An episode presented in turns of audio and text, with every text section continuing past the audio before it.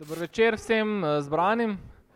Jaz sem tudi tako optimistično rekel, da ne rabimo dati 80 stolov, ampak kot kaže, bi jih uh, celo 80 uh, bilo mesto. Tako da tisti, ki ste tam zadaj, ne, Luka, Damjan in, in company, ne, prosim, pridite tu naprej, uh, pet prostih mest še čaka. Uh, tisti, ki se v prvi vsedo dobi eno nagrado, tako da evo, uh, se bo trud se splača.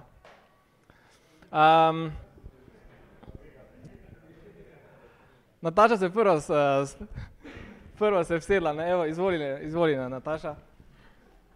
Danes imamo tu, uh, Andraš nam je prenesel nekaj uh, uh, majčki nagrad, tako da danes se interaktivnost še posebej splača. No. Čeprav jaz skozi želim, da pač ta interaktivnost ne bi bila, ne bi, ni treba, da je nujno povezana z eno nagrado, ne, ampak uh, če to spodbudi, pa to pomaga, evo, uh, je tudi super. Uh, Um, skratka, danes je uh, gost uh, Andraš Logar. Andraš, super, da si si vzel čas, hvala da, za obisk. Um, jaz upam, da Andraža m, posebej ne rabimo predstavljati. Um, je že kar nekaj časa na IT, na IT sceni, čeprav si jih še nima dosti. Um, današnja tema pa je, um, naslov smo dali, zakaj v IT panogi ni mesta za poprečnost. Um, in sicer Andraž je kar nekaj let um, miga v, v globalni IT sceni uh, in skozi ta, skozi ta leta si je um, v bistvu nabral kar nekaj izkušenj, bolečih in manj bolečih in uh, danes je pač super priložnost in uh, da te izkušnje deli z vami.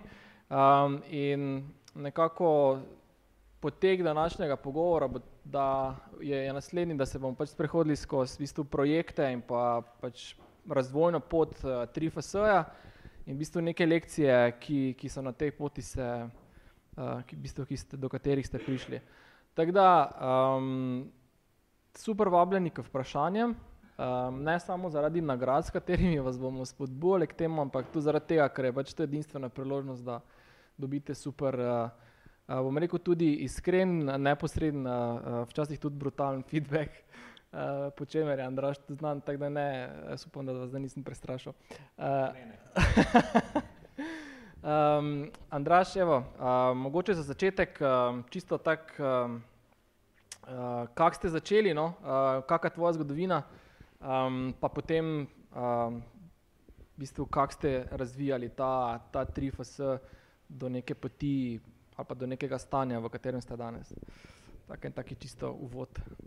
Mislim, to je prej si štartal s tem, da me mogoče že kdo pozna, zdaj pa točno uno zgodbo ponavljal za vse tiste, ki me že poznajo že v ta tisoči, če ne. Ful hiter uvod. Ful hiter pa, ne. Um, štartal smo 13 let nazaj, um, 13 let nazaj je bila Slovenija dosti drugačna, kot je danes. Biznis je bilo dosti težje delati um, v IT-ju, kot ga dela danes. Je bilo pa kadra več takrat na voljo, uh, mogoče je bil celo bolj kvaliteten. Um, ali pa bolj um, ambiciozen v tem smislu, da si želijo kakšno stvar ustvariti. Um, v 13 letih našega obstoja smo servisirali velike firme, multinacionalke celega sveta. V Sloveniji nismo v bistvu kaj dosti delali, no, kar mi vedno žal, oziroma tudi to poskušam tudi spremeniti.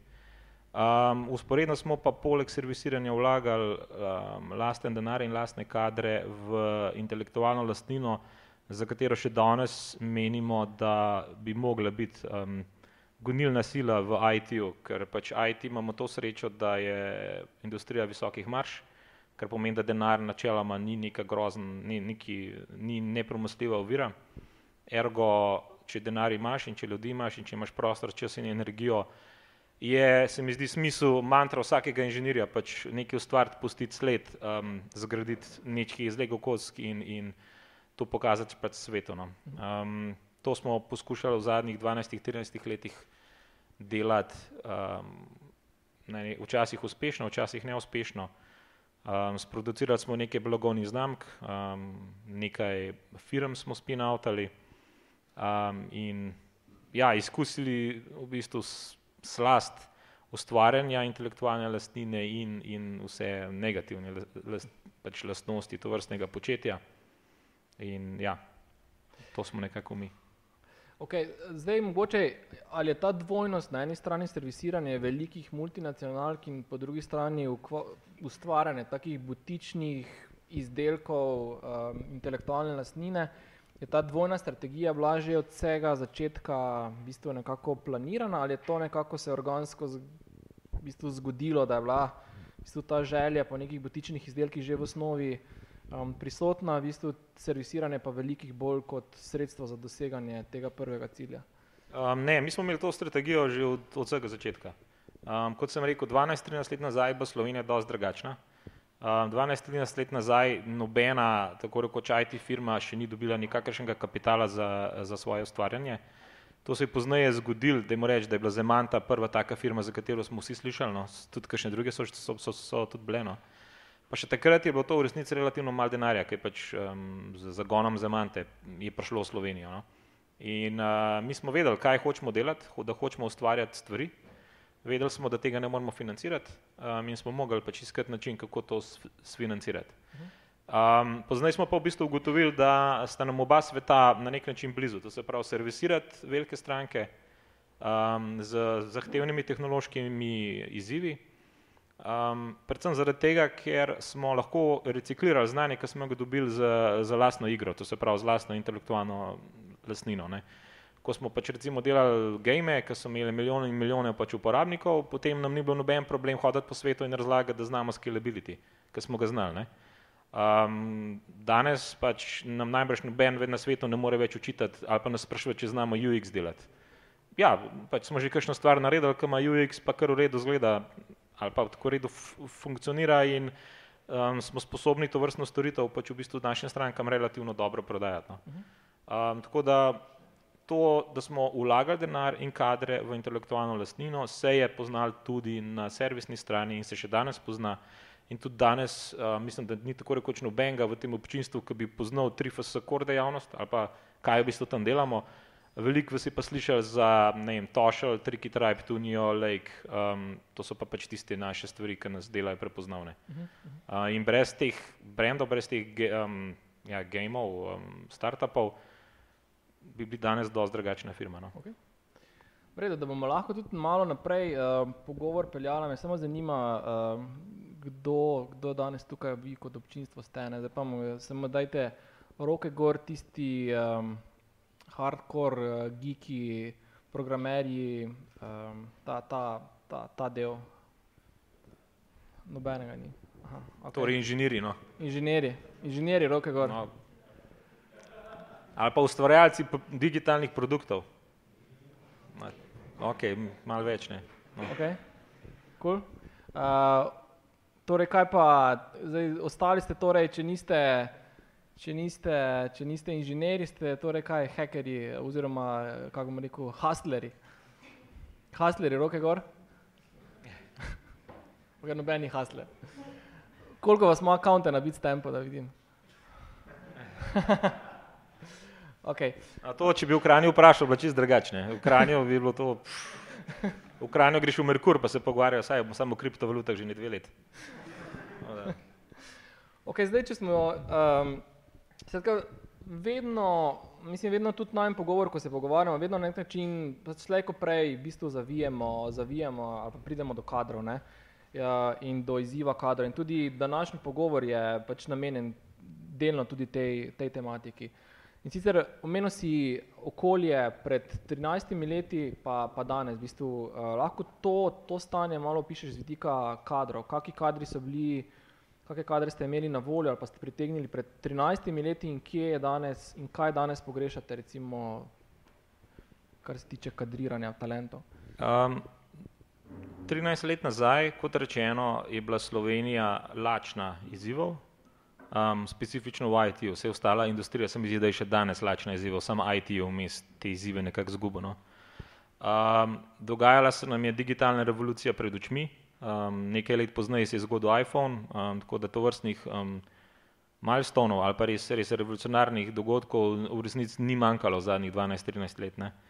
Um, in ko smo mi štartali, um, so, je bila pač ta razlika napram danes, je, da um, si, da so, ali pa vsi ljudje, ki so do nas prišli, no, pač spet, koga smo mi naslavljali, mogoče mehem drugače, kot neka poprečna IT firma, mi smo tudi iz Kranja, nismo nikoli naslavljali ne Maribora, ne tako rekoč tudi Ljubljane, ne.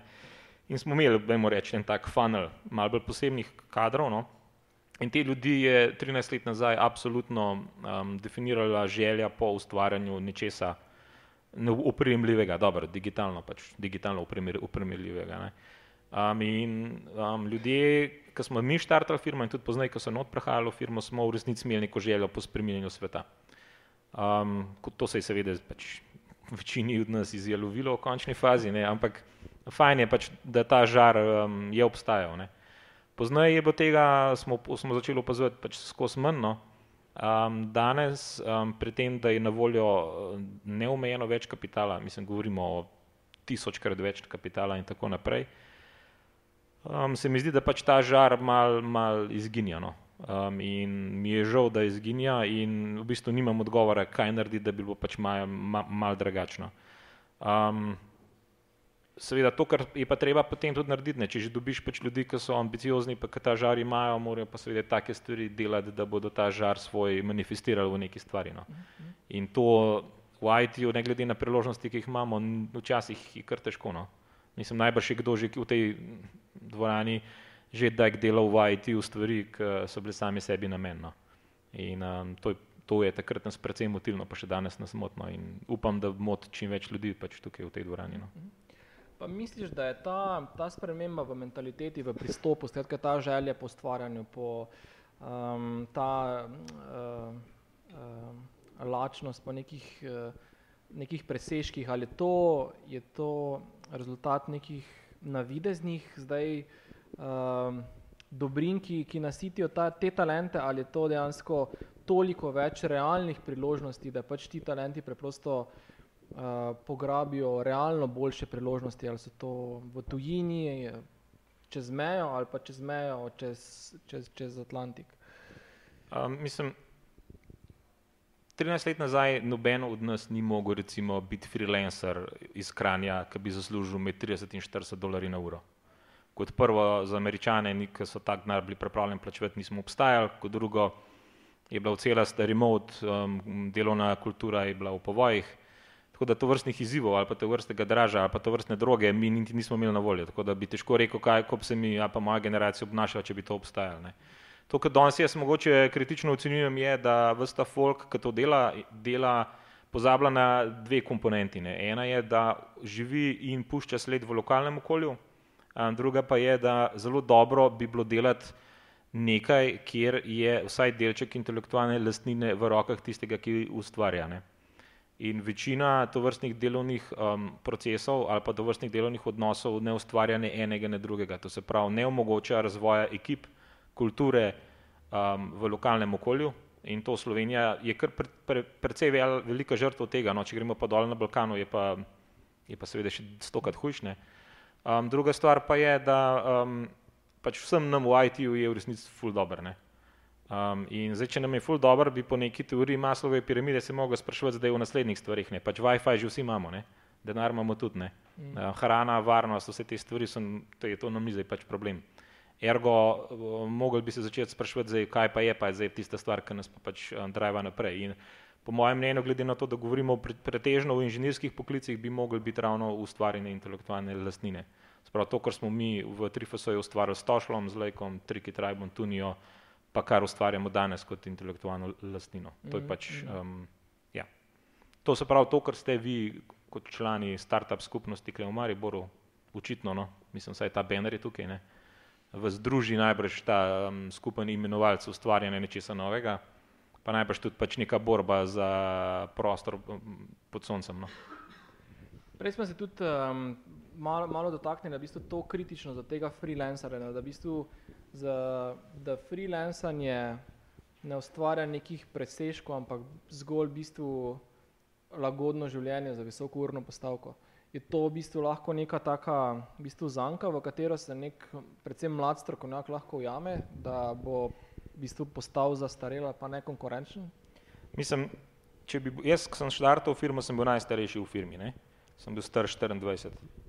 Um, ostali so bili stari 20 pa 21. In um, Če se spomnim nazaj, ko smo bili na umni, um, bi seveda vsak od nas, če bi, če bi mu kdo ponudil tako urno postavko, kot se danes pač vrtijo v, v freelancing svetu, bi po mojem rekel ja.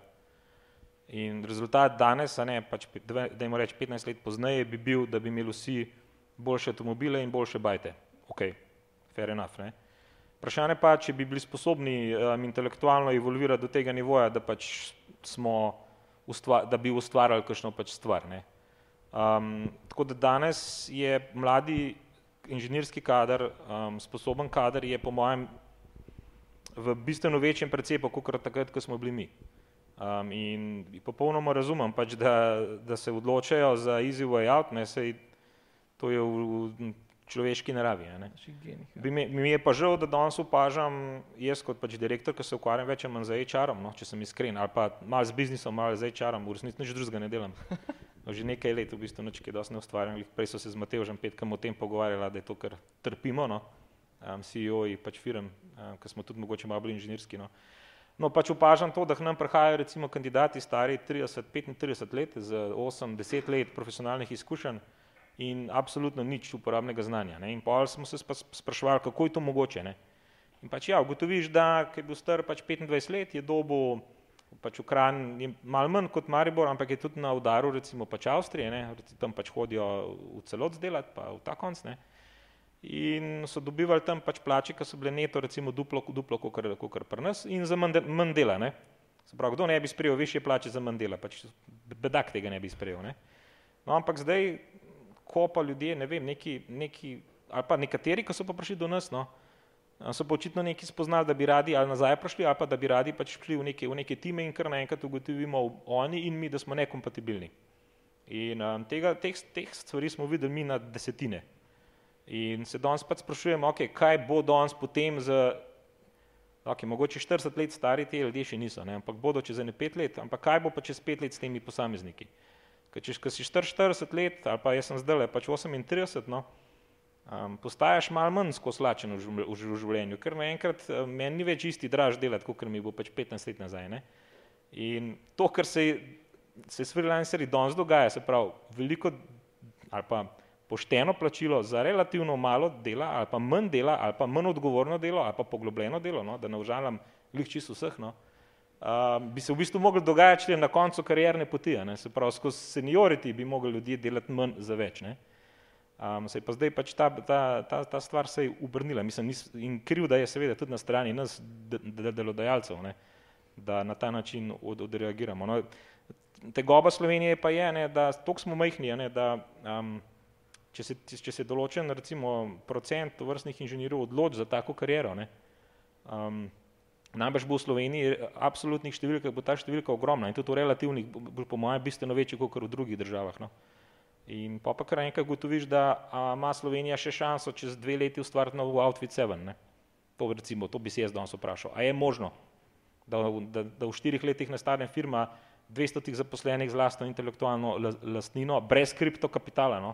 ko, znava, ko čist um, bootstrapana stvar, ne, um, ki ima globalen domet. In mi dva z Urban se poznava že nekaj let in po mojem so se v začetku pogovarjala najnega sodelovanja sem gotovo rekel, da upažam, da je skozi več šans, da se ustvari nov outfit. Mm. Um, Danes me pa v bistvu skrbi. Tako, po mojem vsak od vas, ki eni od vas imate firme, ne, um, če bi pač imeli neko priložnost, a se lahko v dveh letih na 200 ljudi skelate, pa pač dobrih. Ne. In mislim, jaz mislim, da je to nemogoče danes. No. In to pa pomeni, da kot država, kot, kot ekosistem nismo naredili dovolj, da bi pospešili možnost kreiranja tovrstnih firm. To vrstne firme so pa dobre in slabe. Dobre so pa zaradi tega, ker pač odpirajo vrata na globalne, eh, mislim, v globalen mindset. Ker do to, to vrstnih firm smo pač vsi v enih bablih živeli. Mi, mi v Kranju, ko smo delali za Skandinavijo, vi v Mariboru, ko delate, ne vem, za Grac, karkoli. Ne, pač Outfit je pa v bistvu prva firma, ki je kar naenkrat celoten, celoten svet do, dojela. Ne. In ta kader, ki tam obstaja, pa gre tudi ven, pa nazaj not pač v firmo, pač ima neverjetno dodano vrednost, ki je druget, druge firme v Sloveniji pač niso nikoli mm. ustvarile. Ne? Mm. In jaz bi si želel, da še kakšna taka firma nastane. No? Um, Nokia recimo pogledamo, ne vem, koliko od vas ima izkušnje z Finsko, je, je tadej, ki ima, ima bistveno več kot jaz, no? ampak pač Nokia je propadla, fair enough, ne? ampak zaradi Nokia je tam, ne vem, tadej ti mogoče veš z glave, kolikrat večja dodana vrednost je zdaj že okol Nokia. Petkrat. Ja.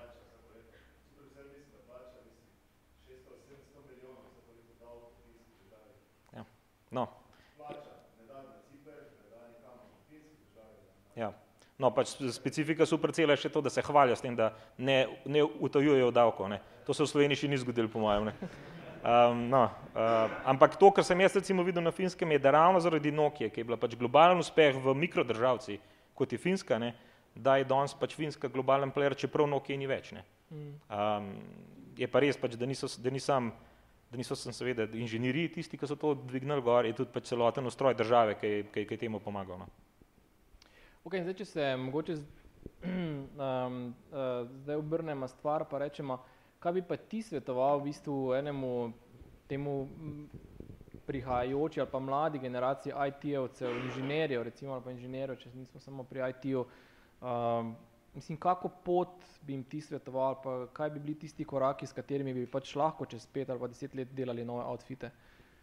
Um, jaz bi, če bi bil danes star 25 let, bi tako kot vsak 25-letnik bi sanjal o tem, da dobim plačo med 60 in 100 jurjev bruto letno in to je, bi, bi jo v Sloveniji zelo težko dobil, kar pomeni, da bi razmišljal o tem, da grem v tujino in najbrž bi tudi šel, šel v tujino. Um, bi pa, seveda, če sem danes lahko retrospektivno pameten, ne, um, bi pa sem rekel, da potem pa čez par let pridite nazaj ne, um, in pokličite svoje sošolce in ustvarite nekaj kle v Sloveniji. Mislim, v IT-u nam pač res ni težko. Um, denarja je dovolj, um, tako da v bistvu ni nobene uvire za kaj takega. In tudi um, relativno težko razumem jamranje ljudi, um, ki mislijo, da je to, to kar sem zdaj povedal, da je nemogoče. No. Um, jaz mislim, da je zelo mogoče no, in to bi jaz svetoval. No. Um, seveda, hard way, ne, ko, se, ko se učite ali pa kako pospešiti način učenja ali pa pridobivanja nekih izkušenj, pa je ustvariti uh, lasten startup oziroma ustvariti lastno intelektualno lastnino in se upeč na svojih napakah. Ne. To, je, to smo mi delali, to je full zafukan, sorry, težko je. Um, in, in zelo velik stane, zelo velik stane pač v živcih, v kadru, v, v, v denarju, v času. In ni treba, da vsak gre skozi to potno, pač je zelo, zelo je zahtevno. No. Okay. Cool. Mag kdo kakšno vprašanje v tem trenutku? Ne? Okay, zdaj, če iz tega mogoče filozofsko, kadrovsko, uh, globalne perspektive malo pre, v bistvu preklopimo na mogoče malo ožjo tematiko uh, v bistvu te globalne konkurenčnosti, uh, bi mogoče skozi po tvojem mnenju vaše presežke, uh, ne glede na to, ali je to v tem korporativnih rešitvah ali v bistvu teh spin-offih spin malih rešitvah, v bistvu malo pogledamo lekcije, kaj pomeni biti globalen, v, kaj pomeni biti konkurenčen v globalnem svetu. Uh, mogoče poveš uh, ali pa našteješ ali pa se sprehodimo čez par nekih tehnoloških ali pa tudi tržnih globalnih uspehov uh, vaše skupine um, in kaj ste se na tem konkretnem primeru naučili iz vidika globalne konkurenčnosti oziroma na kakšne težave ste naleteli. Kje pač vaš štarte, Urban? Uh, lahko pri Ericssonu, lahko pri Mehiki, kjerkoli. Ko smo, ja, um, to, da smo začeli delati z multinacionalkami, nas je naučil predvsem, kako se dela z multinacionalkami. To je zelo veliko, um, velik know-how. To ni tehnološka stvar, to je stvar obnašanja, um, odgovornosti, razumevanja, kako v bistvu multi, svet multinacionalk deluje. To je Slovenija, je to zelo težko razumeti, ker v bistvu nimate nobene okoli sebe. Ne? mislim, kje je največja firma v Sloveniji, poleg Petrola, no, z, z revenue, po številu zaposlenih, kdo ve? Telekom. Telekom, ok, Merkator, recimo. Ja. Kdo? Gorenje, no. Uh, mislim, ok, Gorenje, če ne drugega manj, global reach, ne, pač Petrol ga nima, Telekom ga tudi nima, Merkator ga tudi nima, tako da, če hočete razumeti, kako dela ostale multinacionalke, nimate v Sloveniji v bistvu benga za vprašati, no. V bistvu, kot sem prej rekel, danes v IT-u lahko vprašate outfit. No, vse so še kakšne druge firme, no, ampak Outfit je najbolj propulziven. Um, tako da to je tista stvar, ki sem jaz hvaležen um, možnosti sodelovanja z Ericssonom, z Nokia, z Microsoftom, ravno ta v pogled v svet multinacionalk in to, kjer stvari so v svetu multinacionalk pomembne. Pač stvari, ki so, v, so nam, nam v Sloveniji pomembne, tam hitro zbledijo. No. Recimo, kaj bi rekel? Ma, Kaj imaš v mislih? No, mislim, stvar, recimo, ti, to sem že prej omenil, ne, multinacionalke, ki enkrat začnejo z partnerji delati, ne, um, tako, mi smo rabili deset let, by the way, da smo postali global official Ericsson partner. Um, to pomeni, da smo se devet let, 9,9 let trudili za vsak biznis konkurirati um, startupom iz, iz Armenije za polovico cene, z startupom iz Indije, z startupom iz Švedske. Ne. Vsak tender je bil battle. Ne. Se pravi, tak battle, kot če imate pač startupe, ki delate ali pa konzultancy service, ki se prijavljate pač na tenderje, vsak pač stvar je bila tako zajena. No. Um, zdaj, po desetih letih je pa to pač lažje, oni nam verjamejo, zaupajo nam in tako naprej, in danes se za ene stvari nam ni treba več boriti, ampak je trajalo deset let. Ne. In ta pač krivulja naporov, da nekam prideš, je tam strašansko velika. No. In zdaj smo pač ja, tam in je, so nam ene stvari lažje, ene stvari so nam pa težje. Pač kar naenkrat pa za Erikson od nas pričakuje, da se bomo pa tako skelali, kot um, kakšni indici. Pač do nas prihajajo pač popraševanja za projekte, ki, bodo, ki zahtevajo tisoč ljudi. Ne. No, pač to v Sloveniji noben ni sposoben, tudi če se vsi skupaj združimo, nismo sposobni tega narediti. Ne. Ampak um, tako da zdaj imamo druge izzive, zdaj imamo izzive v bistvu filtrirati um, iz, um, ponudbe ali pa ja, um, neke klice po, po pomoči. Na podlagi tega smo sploh sposobni izvesti, pa na podlagi včasih no, tudi tega nas sploh stvar zanima. No. Um, In delovanje tudi ostalih multinacionalk, po mojih izkušnjah, je precej podobno. No. Imate pa kaj tudi v audiencu, je par ljudi, ki imajo tudi s tem izkušnje, mm. po mojem, da bi se kar strinjalo z mano. Okay. Zdaj, tako čisto moje vprašanje, kaj, kaj, kaj je IT projekt, ki zahteva tisoč ljudi, kaj, kaj to pomeni? Mislim, kaj je to za enega rešitev? Ja, eno, mi delamo v Kranju rešitev za digitalno identifikacijo uporabnikov, to se pravi, da imamo reči nek Facebook login, like produkt. Samo da se uporablja telefonska številka, tudi to ste že videli, da se s telefonsko številko parjavljate na Vibre in tako naprej. Ni to za nobena novost, pa da mora delati globalno, pa da so v zadju verifikacije, identifikacije, da zadnji stojijo razni fursi, dursi, banke, zavarovalnice in tako naprej. Se pravi, imamo cel kup nekih delnižnikov. UX oziroma ta del je relativno irrelevanten oziroma je še najbolj simpel stvar. Ne, no? In zdaj ta stvar mora delati globalno, se pravi from day one. Um, no, če pa hočeš to narediti, pa rabiš tisoč ljudi upfront. Ne? Um, ne za rešitev tehnološko, ampak za implementacijsko, za sales, za marketing, za tran translation, za podporo trgom in tako naprej. In to je zelo malo ne, firm na svetu sposobno, mislim, to so sposobne samo multinacionalke narediti, startupi tega niso. Ne. V mm. Sloveniji spohnek se ne more tako, hitro širiti. No. Tako da to je recimo en tak stvar, tako stvar, ki smo jo v Kranju naredili, core tehnologije je bila narejena v Kranju, In danes jo uporablja Čajna Telekom in lahko si predstavljate, da šest kabelcev iz Kranja ne more Čajna Telekom suportati. Pač 780 milijonov userjev gor. Um, tako da ja, to so pač tiste stvari, na katere startupi v slovenski dimenziji nima odgovora, ne more imeti odgovora. No. Mm, mm. Osana, da v naslednjem WhatsAppu, ko bo lahko 12 inženirov naredili platformo za milijardo userjev, kakorkoli so jih že imeli, um, to, ja, to so več ali manj sanje. No. Mm. In to, da pač v bistvu je šest mandlcev iz krajine naredilo v bistvu platformo za Čajna Telekom, je to znova, je to, kaj je ključna kompetenca? So to neki super kadri ali to so v bistvu izkušnje, ali je to mešanica, kaj? Ja, kar se nas tiče, no, smo ta biznis, um, v občinstvu je tudi sam Obračič, ki je vodja naše pisarne v Mariboru. No. On je bil en izmed ključnih, evo, tam le, en ključnih posameznikov tega projekta in bo te, v tem projektu od dne ena zraven. Ne? Samo govoriš kitajsko?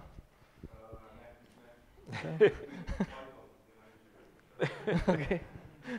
Uh, no, in, in to se je začelo tako, da je pač en zametek ene ideje obstajal med nami in, in takrat pač Ericssonom. In mi smo to pač idejo pač spravili do nekega produkta, pokazali neki firmi, ki se ukvarjajo z globalno standardizacijo protokolov so to ponotranili in potem pač šli svojo pot. No. Um, tako da startupi absolutno lahko v early stage zraven pri takih stvarih. In tudi do nas so prišli zaradi kompetenc, ki smo jih prej imeli, se pravi scalability, performance in hitre iteracije, ker, ker je načeloma po mojem je to definicija vsega startupa, pač, da je sposoben hitro zelo veliko narediti. Ne. Mm. Od tam naprej ne, se je pa tudi nam zataknil in um, imamo s tem pač velike izzive. No, okay. In tudi potem, ne poznaj, če recimo ti bojo pa preklopili firmo, ki ima tažen zaposlenih. Ne, sam kupa ena firma dela potem, ki ima pet zaposlenih ali pa šest ali pa deset, za firmo, ki ima tisoč, ne, to je pa, to je pa spet težko. Ne. Mm. No. Ali pa tisoč inženirjev na finskem, pa 20 v Sloveniji, ne? kako to špila. Tako, to je težko. No? Okay. Um, še en primer imate, v bistvu, take rešitve, ki jo, mislim, še en, ne, verjetno, mislim, ne samo ena, ampak še en primer v Mehiki, da je v bistvu vaša rešitev uporablja milijoni uporabnikov. Ja, jo je. Jo je. Jo je ja. um, tudi tista stvar se je zgodila v resnici zelo, zelo organsko. No. Um, ni kakšne težke. Zakaj gre točno tiste, ki ne? Ja, a je kdo od vas slišal za Facebook Zero? Ben, ne, to je, uh, mi, pač v Sloveniji smo internet zelo hitro imeli. Ne. Um, in, ampak ene države ga pa niso tako imele leta 97, kot smo ga imeli mi v Sloveniji. Ne. Um, in ene države so zrasle ne z Googlom, kaj še le z Yahoo, pa z Alta Vista, ne, ampak so zrasli s Facebookom in internet je Facebook. Ne. No in Mehika, ko smo nastopali skupaj z Ericssonom, je ena izmed teh držav, ko je pač um, internet je enačen z nekim social networkom tam. No. In mi smo skupaj takrat z mobilnim operaterjem um, uspeli narediti alternativo Facebooku um, in nismo premagali Facebook v, v cifrah v Mehiki, ampak bili smo drugi, tako, se pravi za Facebookom in pred Twitterom in pred Orkutom, in če se kdo Orkuta spomni, to je bil Google prvi, prvi tak failed projekt, no, ni failed dog bil, no, ampak, a še zmerno. Okay, no. um, pač Orkut, Orkut je ja, Googleova platforma za, za social network. No. In nam je uspel, ne, ampak to je bila ta prava, na nek način prava ideja v pravem času, v zelo pravem trgu. Ne. Taka ideja v Sloveniji ali pa v tem koncu sveta nikoli nam ne bi uspela. Tam je pa uspela, ker je um, operaterju pušal, um, etc., etc., no in je vse nekako klapalo. No. In ja, v končni fazi, ko so stvar zaprli, je imela 24 milijonov pač uporabnikov, kar je bilo, mislim, da je bilo to eno tretjino internet userjev v Mehiki v tistem času, um, z trafikom, ki je bil osemkrat večji od Yahooja, um, takrat je Yahoo že malo dol padal, no, tako da uh, ni bilo to peak, ampak ja, in je zelo, zelo, zelo zanimivo bilo. No. Okay. Tako, pa vse smo iz Slovenije delali. In znova ista mala ekipica. Ja. 12 ljudi je skrbel za tak servis. Um, pa sej, sej, sej, v Sloveniji smo že velikrat to, to štorijo predavali. No. Zdaj se da na, na, za nazaj se jo pa spominjamo samo z lepimi spomini, ne. bilo je pa zelo veliko še groznih spominov. Ne. Z mehičani delati kar. Če mislite, da je slovenci težko, ne. Z mehičani je. Zakaj, zakaj, zakaj z njimi težko? ja, mislim, kje sploh začetno. Uh, da je najbolj grozno izkušnjo Mislim, najbolj grozna izkušnja za vse, ki ste IT-ovci, je, mi smo mogli en DNS spremeniti. Vse veste, da to ni tako, to ni tako ful, ful težka stvar. Ne? Zahteva, kaj bi rekel, nekaj minut dela. Ne? No, mi smo mogli pač DNS spremeniti za naš servis in smo to tri, štiri mesece smo pač to koordinirali z našim kupcem. In na koncu še tako daleč, da je nečak od Karlosa Slima, ki pa je najbogatejših zemljanov, šel DNS spremeniti. Ne? In vmes smo seveda mi eskalirali in na koncu je pač naš inženir, ki je pač že imel res vsega dost, je v mailu povedal, lej, kot sem vam povedal že 500 tisoč krat, tole morate narediti. Ne? In ker ta mail dobo nečak od Karlosa Slima, ni bil odgovor, full, full, mislim, niti ni tega dejal kot neka, neka, nek, kot neka balkanski, balkanski štosno. Tako da, take scene, no. Um, ja, Nam, imamo pa bajdeve enega mehičana zdaj v firmi. Tudi tudi zaradi tega. No. Pa ne načakati, kaj se spomni. Ne, ni načak. Okay. En mehičank se je zaljubil v Slovenko, kot pač vsi tujci, ki pridejo v Slovenijo, se zaljubijo v Slovenke. Ja, no. cool. um, okay, kaj bi bil, um, zdaj, če mogoče gremo iz teh korporativnih malo na te um, B2C, uh, vaše spin-off projekte, te vaše, ki so vam uh, na nek način drugi, drugi obraz 3FS ali pa te vaše skupine. Um, prvi se mi zdi, da je bil mogoče tak tošen primer uh, nekega globalnega preboja. Um, kje, kje, kje, se, kje, kje danes se nahaja tošen in kaj pomeni biti v bistvu tako visoko v, recimo, med globalnimi aplikacijami v App Store? Um, mislim, zdaj bom igral malo vlogo Matica Bitenca, ki je direktor te firme, no, tako da nimam čisto vseh podatkov tošla. Um, Tošel je štartal v zelo zanimivih časih, um, iPhona še ni bilo, um, Androida tudi še ni bilo, mislim, G1 smo ga pa dobili čez nekaj leto. No. Se kdo od vas spomni G1 telefona? Eden tam le kima. No. Um, no in, in smo delali takrat na, na Nokia platformi. Ne. um, pač S60 oziroma takrat je Nokia glih najavljala Linux-based OS. No in um, Tošel je reševal pač problem, ki smo ga mi imeli founderji in to je pač, da nismo vedeli, kam, kam gre naš denar in itak, da je bilo že milijon aplikacij, ki je to reševalo. No, sam pač nismo bili zadovoljni, tako kot spet, to je čisto tak inženirski pristop k reševanju problemov, nismo bili zadovoljni z obstoječim rešitvam, ergo gremo pač narediti nekaj, nekaj po svoje. No. Um, tista stvar, ki smo jo mislim, da naredili genialno s Tošlom, sta dve zadevi. Ena je, da je pač UX bil leta pred vsem ostalim. Druga stvar pa je, da Tošel je od dne ena imel subscription-based um, revenue model. To, kar je AWS uvedel, kdaj? Tri leta nazaj, dve leta nazaj. No. Um, in, in če ne bi to še imel subscription-based modela, ne, um, ne bi finančno preživel, zato ker um, takrat v tistih zač začetnih obdobjih um, pač mobile app ekonomije, um, v bistvu, če, razen če si bil tista govori, ne, pojoča žaba, kaj že takrat bilo, ne, um, nis, nis, nisi mogel pač preživeti. No. Tošelj je pa pač mu je pa uspel. No. In potem, ki je pač prišel iOS in Android in vsa ta nova ekonomija s tem, ne, je bilo pač seveda potem skozi lažje. Mm.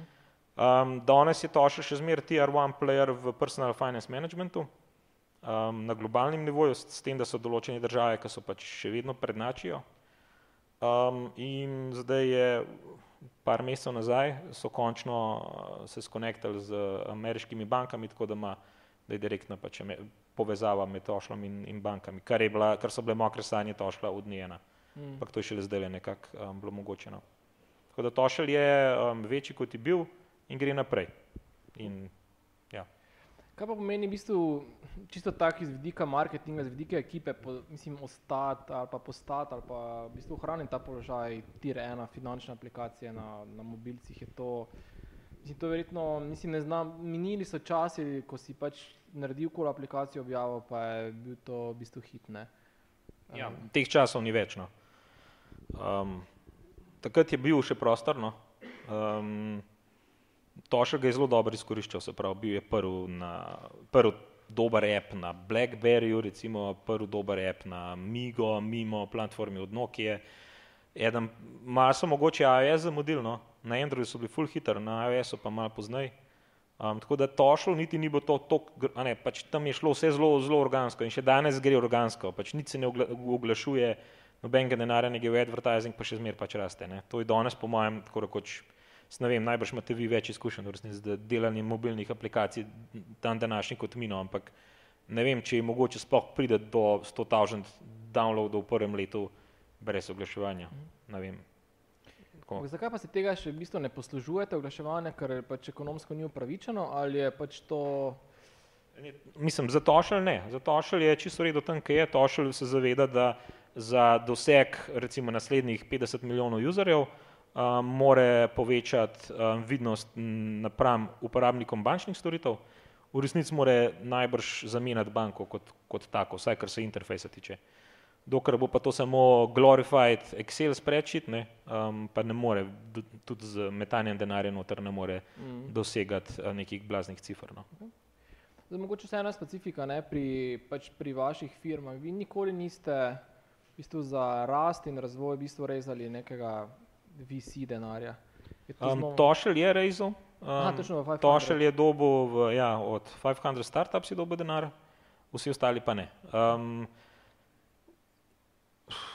Z, a zakaj? zakaj ja? Um, ja, najprej, ne, spet, Slovenija 12 let nazaj ali pa 5 let nazaj, zelo težko je bilo rezati denar iz Slovenije. Komu je v bistvu pet, pred petimi leti ali pa pet let in manj, mislim, in, in globijo v zgodovino, komu je sploh rad denar, denar zbrati? Ne, ima se spomnite, kaj še ga? Pet let nazaj, plus. No. Pa pozneje, ja, je Vox jo zrezal, so še kakšni in tako naprej, ja, so, ne. Mm, mm. Ampak, kaj? Okay. Uh, Daisy, je se to še neka mariborska zgodba? Kristjan Pečanas. Ja, no. Hočem reči, ne, ne, to te tudi definira. Ne. Če nimaš dostopa do, do, do kapitala, kaoš naredi. Ja, lahko greš iskati, da na drug konc sveta lahko pa pač iščeš bypasse. Ne. V našem primeru so i bil bypass tak, da smo bootstrapali vsako pač idejo in tisto stvar, ki se ni izkazala za profitabilnost, smo jo pač vrgli v, kont, v kanto. Mm. Če bi pa imeli visi denar, bi jo pa mogoče ne bi vrgli v kanto. No? Mm. Tako pač teh zgodb je bilo v Trifosoju veliko, pa jih vi ne veste za njih. Okay, koliko več je tistih zgodb na smetišču zgodovine 3FSN, kot pa v bistvu tistih, ki so v produkciji uspešne? Bom en primer povedal na Triki Tribe. No. Se pravi, pre, preden so naredili Tinker Island, ki je sicer bila druga profitabilna igra, ki so jo naredili, no, so naredili nekih tam 80 pač iger, za katere, ja, razen mogoče za človek ne se in za tarok, noben ni slišal. No. Um, hočem reči, da razmerje med, uspe, med neko solidno uspešno idejo in neuspešno idejo je po mojem v 3FS-ju ena proti 20, ena proti 30. No. Je pa res, da starejši, ko postajamo, bolj smo konzervativni, kar pomeni, da ne skočimo glih vsako stvar, no, kar pomeni, da rejši je zdaj gotovo boljšo, no, zdaj pa vprašanje, vprašanje, če je ta konzervatizem, če je zdrav, no, to pa ne vem. Okay. Ampak dobro, pač glede na to, da še vedno delujete in da ste pač ostajate konkurenčni, verjetno nekaj delate prav. Ne? To, kar po mojem mi delamo prav, je, da smo razumeli to, da najboljši ljudi treba nagrajevati z lasniškimi deleži. No? Ali pa da moramo vzgojiti to kulturo, da pač ljudje vejo, da je delati za sebe nekaj drugače, kot delati za nekoga drugega. No? In um, uspel nam je pač, ja, tudi zaradi tega, ne vem, zadnja stvar je pač ta bil lajk, ne, ne vem, koliko ste to kaj spremljali.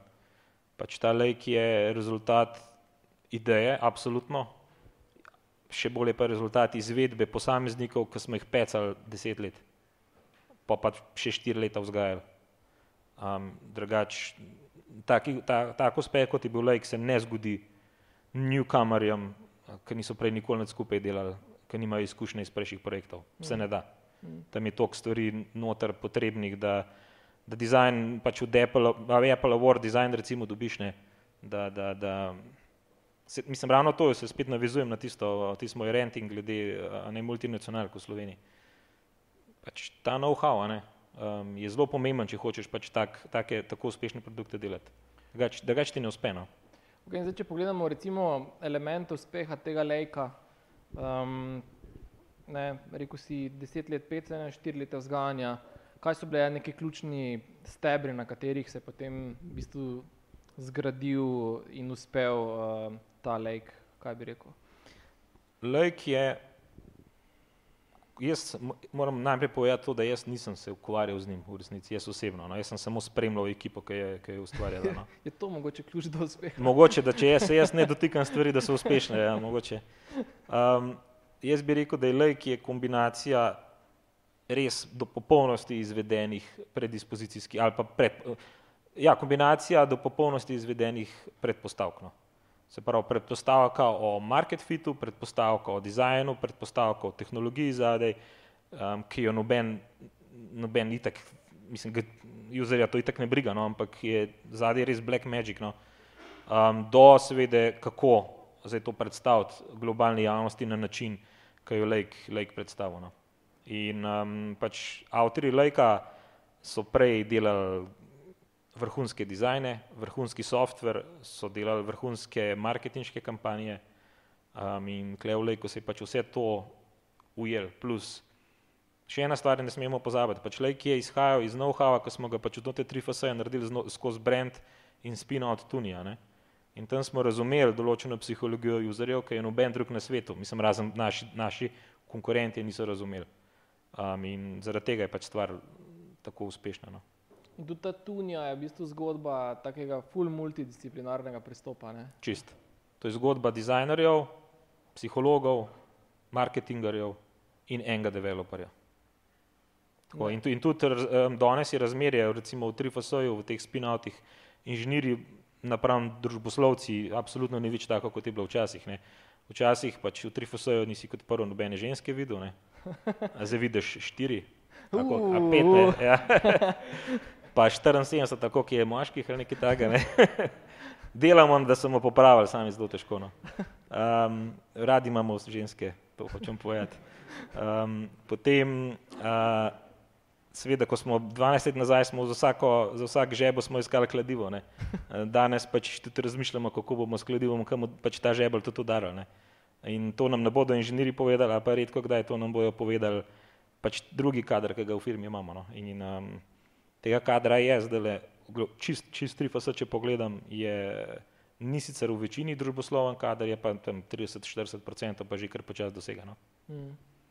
In to so kaj, tisto psihologi? Uh, Mislim, družboslovci, pač ljudje, ki, ki vidijo širino, ne pa globino. No. Mm. Um, in to je pač nujno, nujno mislim, like, tošel, ne, um, vse to tega, tega danes ne može, ali pa tudi gami, gami pa spohne, ne, tega ne može delati na inženirski način. Mm. Ok, in je tudi, mislim, koliko pa recimo pri, pri, pri, pri Triki Tribu ali pa pri, oziroma Tinker Island pa potem Lake, ne, koliko je tu element nekega, uh, neke sreče, pač nekega pravega tajminga, koliko pa je v bistvu nekega predvidljivega uspeha, tako kot si rekel, ne, pri lejku um, vrhunske vertikalne ja. kompetence, koliko pa je v bistvu pač tisto, ko se, pokloplo, ko so se poklopile zvezde. Mislim, v 3FS in z nami povezane firme niso tako strašansko uspešne, da bi lahko rekel, um, da smo pač res zmer, da smo imeli neko srečo nekje. No. Tako da jaz um, moje kolege in njihove produkte dojemam izključno kot rezultat zelo malo sreče in zelo veliko vsega ostalega. No. Um, in mislim, jaz, če pogledam recimo na to, za Tošo ali pa za Lake, razen to pač, da smo imeli v nekem trenutku možnost delati z določenimi ljudmi, ki so pač imeli dovolj, neka znanja, mogoče je to srečeno, ne vem, ampak absolutno se mi zdi pa, da ni, nam pa ni ratal pač ujeti res neke, neke, neke genialne flappy bird fore, no to nam pa pač ni ratalno. Um, še. Še. No. Uh, mislim, tudi, uh, mislim, nihče v firmi ne verjame, glih, da, da je to možno. No. Tako. Vemo, poznamo zgodbe, vemo, da je obstaja, ampak po mojem smo si upali na tem, da, lahko, okay. da, lahko, da nam lahko uspe. To, mislim, tudi, mislim, ali to ocenjuješ bolj kot obup, ali je to v bistvu neko stanje zrelosti, da pač ti uh, ne, ne hlepiš po nekih milijardah, milijonih, ampak v bistvu si relativno realen, pa mogoče to, kar si prej uporabil, besedo konzervativen pri teh nekih pričakovanjih, da pač veš, kaj so neke realne predpostavke ali resursi, ki jih imaš in kam lahko v bistvu s tem prideš. Ne? Da ni tistih nekih mokrih ja. sanj o uh, milijardah uporabnikov. Enkrat je Matej Klanška poznate. No, Matej Klanšek je enkrat je eno ful dobro reč povedal, je rekel, ne, da se najbrž ni bila njegova misel, ampak jaz imam za njegovo misel. No. Da je ful dobro, ker sem mlad pa naumen, ne. Zato, ker pa si upaš neomejeno več in imaš šanse, da ti kaj uspe, seveda, zelo, zelo, zelo zanimive, zelo binarne. Ne. Pol, ko postaješ starejši, je ne, bom rekel, da postaješ ne bolj pameten, ampak postaješ modrejši in počasnejši in manj si upaš. Um, tako da pač kakšne stvari malo bolj pretektaš. Tako da po mojem je možnost izplena, ko si mlad, ne, je bistveno višja, ampak nek graf, če bi pa gledal, je pa najbrž bistveno bolj uspešen pozneje. No. Tako da obe, oba, oba pristopa sta po mojem čist, čist ležit, ampak mi danes ja, stavimo samo na, na, na, na nas, no. se pravi na pač kadre, na njihovo znanje, na njihove izkušnje, na njihovo trmo, delovno nemo in tako naprej. Mm.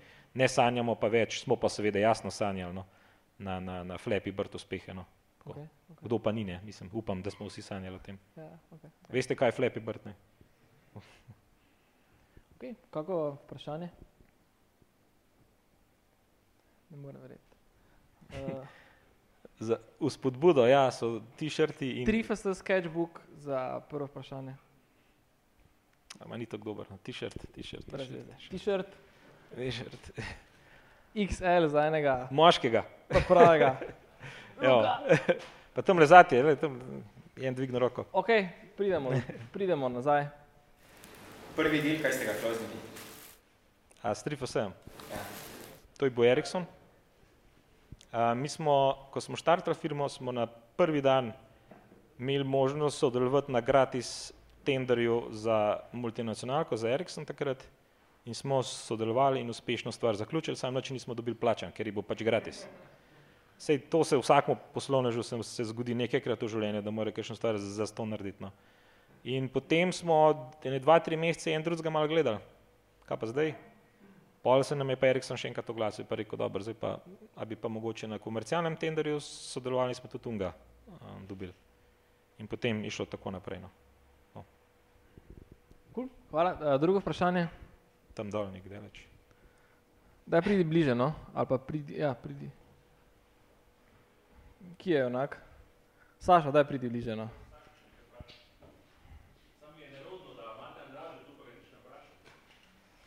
Se mi je,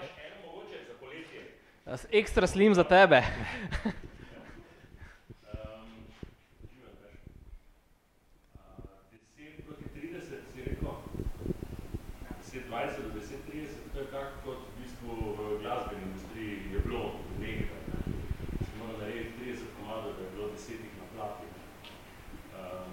Ja, na, na plati, ja. Ja, recimo, ne, pa še na plati so bili bolj sem tri ekipi, ne.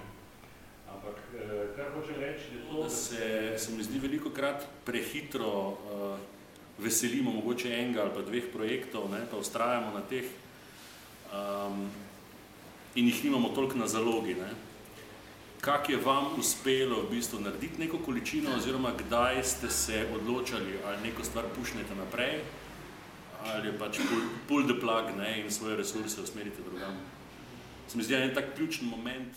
Mislim, to, to je taka um, slovenski, en izmed slovenskih problemov, ki jih jaz vidim, no, ki je mogoče tudi povezan s tem, da nikoli nismo imeli kaj dosti kapitala na voljo. No. Se pravi, Slovenci radi ustvarjamo ali pa inženirji slovenski radi ustvarjajo in potem ustrajajo na tem forever. In izkazalo se je veliko krat, da imajo prav. Se pravi, da ta grinding jih bo nekam pripeljal. Ne. Um, tudi če recimo mi ne bi grindali v končni fazi, bi tudi tošel lahko že zdavnaj odrezali ali pa še kaj drugega. Um, Medtem, kakšne narodi, kjer je maslova piramida malo drugačna, kjer je denarja več, bodo pač to stvar hitreje izklopili. No. Um, zdaj v Sloveniji, ne, zdaj vsi veste, da pač je Slovenija number one država najbrž na svetu, kar se zbranega denarja pred kriptožetonov tiče. In se nam že dogaja v Sloveniji, da kar naenkrat se nobenemu IT-ovcu danes ne bo splačal delati um, nekaj, kar mu bo nosilo recimo manj kot 50 evrov na delovno uro. Ne? E, to je pa zdaj malo drugače, kot je bilo včasih, kar pomeni, da bomo mogli začeti staviti izključno na hite in jih bomo mogli znati identificirati in znati um, klonirati. Tega do zdaj v Sloveniji ni bilo potrebno. Si lahko živel z manjšimi predpostavkami, z manjšimi ambicijami zelo ok. Zdaj pa, ker bo kaj taka konkurenca na področju denarja in na področju kadrov, bomo pa mogli najti pač način delati in multiplicirati outfit set, mislim, te, govoreče mačke in tako naprej. Um, mene sam skrbi, da nas je pač čas mal prehito, no, no vse je fajn, ne, da nas je včasih, da nismo zmer sam ceplal zadaj, ampak da nimamo um, izobraževalnega sistema pripravljenega za to, nimamo, ok, davčnega niti ne bom omenil, no, um, pa tudi ta kader, ki že danes obstaja, ni, do, ni mentalno zrel, da bi lahko s tem, da bi lahko v bistvu to pač počel. Ne, pač glasbena industrija je rabila najbrž precej let, da je prišla do tega. Ne. Um, Hollywood tudi ne, tudi gamerska industrija je rabila precej let. Zdaj v tem ulico svetu, zdaj je pa kar naenkrat se zgodilo dve, kaj, dve leti to obstaja, ne. da smo flash with money, pa gledamo en drugega, ok, kamo pa zdaj delali. Tako da to, mislim, super, da, da imamo ta denar. Prvič v zgodovini je Slovenija pred Silicijevo dolino in vsem ostalim tako rekoč. Ne, ne vem, koliko se sploh zavedate, koliko smo spredaj. To je za tiste, ki imamo kontakte v tujini, ne, pač, oni se tu v bistvu se v tem niti ne pogovarjajo, kaj še, da bi aktivno delali. Pa nas pa, ja, ne samo, da aktivno delamo, imamo že pomaži tretjo generacijo tovrstnih firm, ki pač uspešno, uspešno, mislim, uspešno, uspešno rej za denarno. Tako. Mogoče samo predn skočimo še na, na, na kripto, pa na, na blockchain. Ne, uh, še mogoče ena podprašanje Sašotu. Um, v bistvu, kako se odločiti, kdaj odrezati eno zgodbo? Uh, ne, Triki Tribe ali pa Tinker Island 80 nekih iteracij preden. Ja, sej, če bi ti kadar koštal ne, 50 evrov na uro tekočih stroškov, ne, bi se mogel odločati o rezih zelo, zelo hitro. Ampak kot američani, pač, ki se pač vidijo, da 14 dni, 3 tedne, en mesec pač se nekaj ne špila, pač ubiješ. Ne? Če te pa pač delovna sila in tekoči stroški poslovanja ne stanejo tako grozno, pa si pa lahko prvošče še ne. In oboje ima, ima pluse in minuse, oboje. No? Mislim, jaz ne bi zanikal prednosti, ki jo ima ta grinding. Ne? Ker če tega grindinga ne bi bilo, zelo, zelo veliko stvari v Sloveniji pač ne bi bilo. No? Mm. Ta hit, hit industrija je pa tudi, ja, mislim, zahtevna. To je zdaj pač vsi, ki delate v, na App Storih, ne, ali pa v njih, ki delate na gaming, sploh veste. Ne. Ampak te, vsi, ki delamo na, na App Storih, ne, je pa tam je winner takes it all. Ne. In čist, samo to je. Tam vse, kar je pod vem, 90% po moje aplikaciji, nikdar ne priplava nikamor. Ne. 10% pa pač nekaj dela, od teh 10% je pa pač 10%, se pravi 1% v absolutnih številkah, ne, je pa pač ultimativno uspešnih. No. Kaj pa pove? Lendor. Kaj se je pri 3FS-u izkazalo kot prava stvar glede izobraževanja kadra? A lahko ponovim vprašanje, kaj smo dobro delali, kar se izobraževanja tiče? Ja, no, tukaj je, smo v bistvu relativno zanač mi v 3FS-ju. No. Uh, mi smo imeli skozi težave z junior kadri delati in jih spravljati naprej. No. Um, te težave še danes obstajajo, rešujemo jih malo bolj, kot smo jih, ampak še vedno obstajajo. No.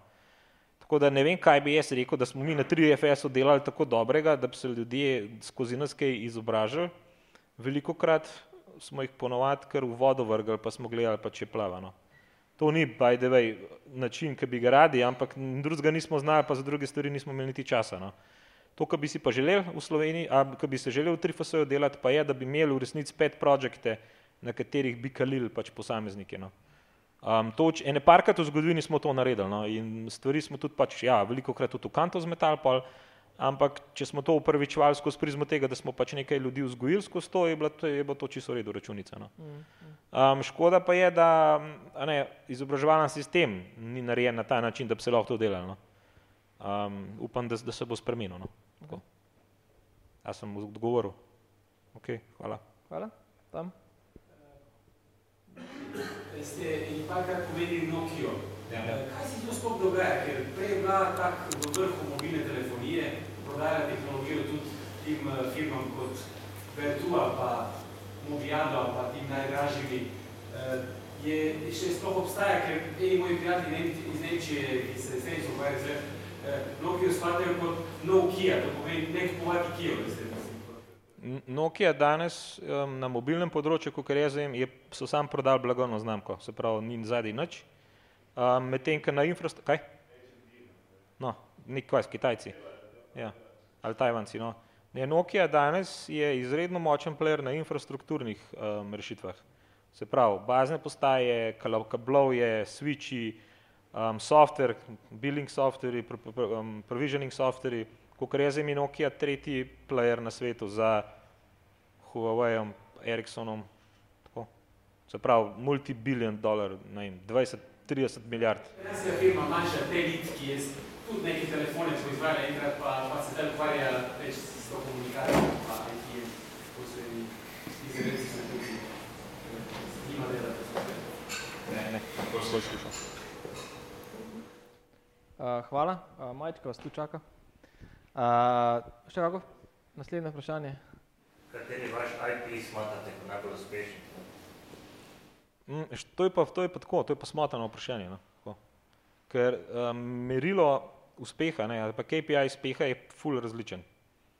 Um, čisto vse, čisto za vse stvari, ki, jih vidite tukaj gor, no, na, na, napopane, no, uh, mi smatramo kot res na, najboljšo možno stvar, ki smo jo lahko v danem trenutku naredili um, in ne bi med njimi kakšnih pač bistvenih razlik delal. Um, bi pa seveda rekel to, da smo z vsako novo stvarjo bili mentalno pripravljeni bolje, kot smo bili prej.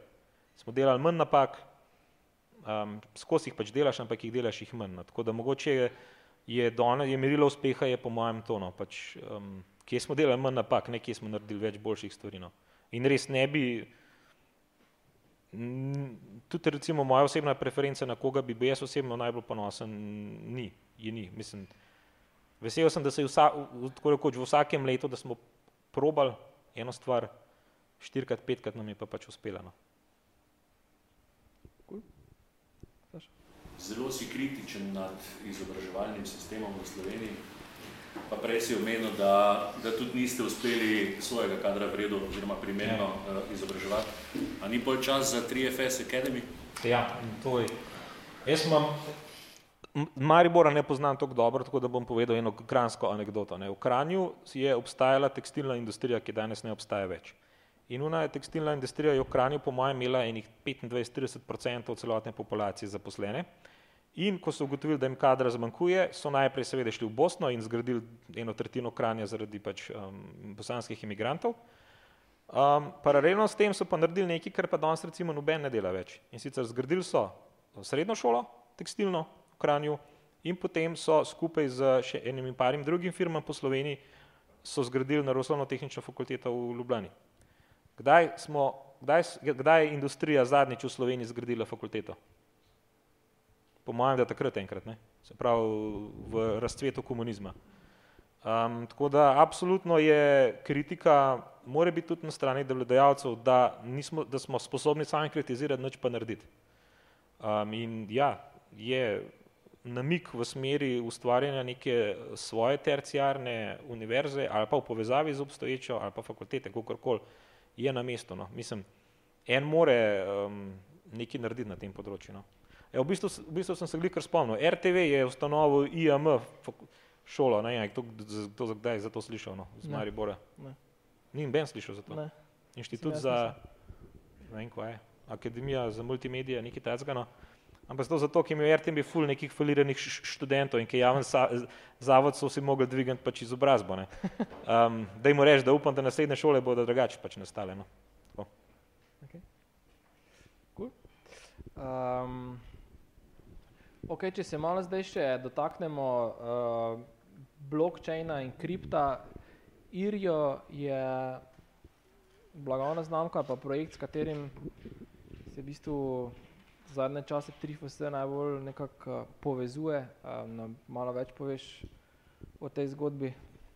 Ja, um, Irjo je rezultat dve leti ali pa tri leta dolgih priprav razmišljanja, da bi naredili um, neko IT rešitev v medicinskem svetu.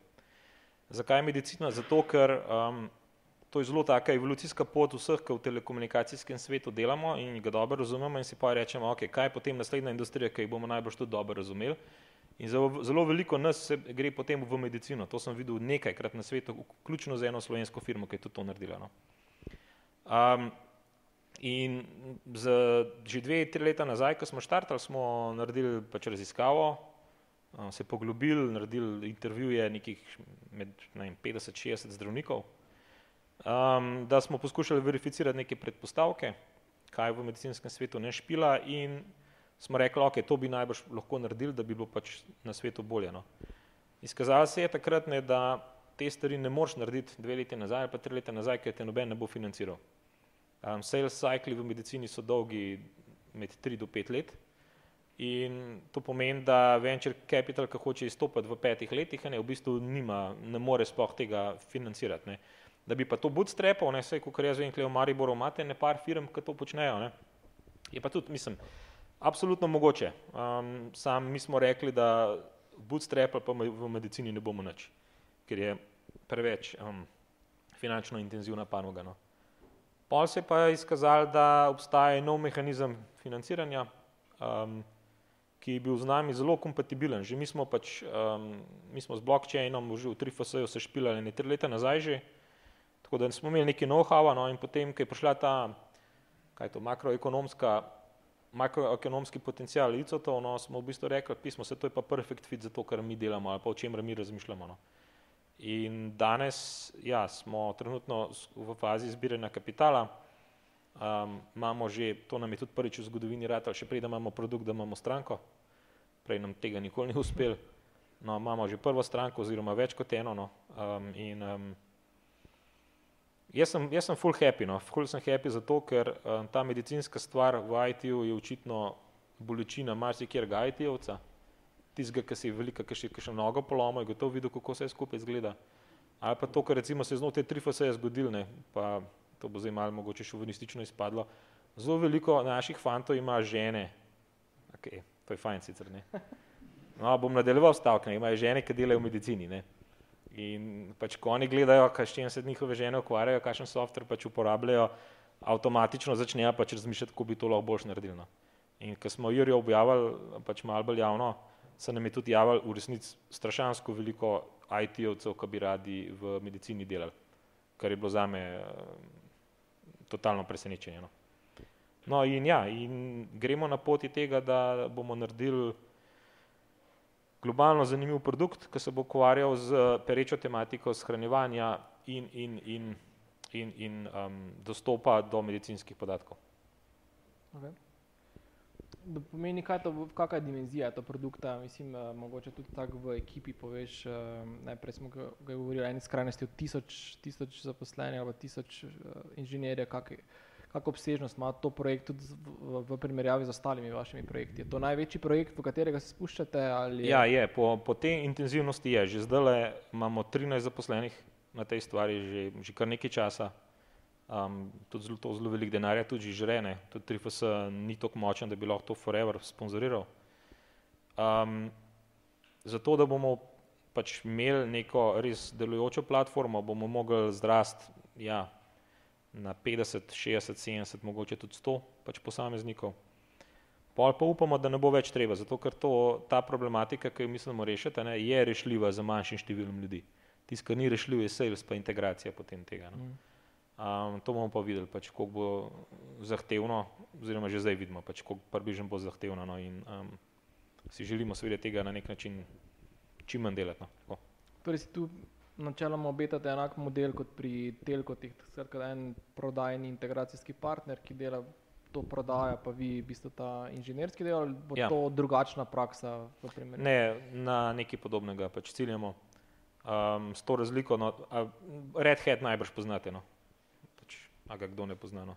Mm. Red Hat je zanimiv, ker ima zelo dober um, poslovni model baziran na open source kodi. Ne? In nekaj podobnega želimo tudi mi. Mi namreč bomo vse open source, um, tako da si želimo, da bo teh integratorjev naše tehnologije v bistvu neomejeno. Um, tisti ljudje, ki bojo pa hoteli direktno z nami delati, bojo pa tudi imeli pač možnost. No? In tukaj si pač obetamo večji del revenue. Ja. Okay. In kako v bistvu zdaj do 100 zaposlenih prid?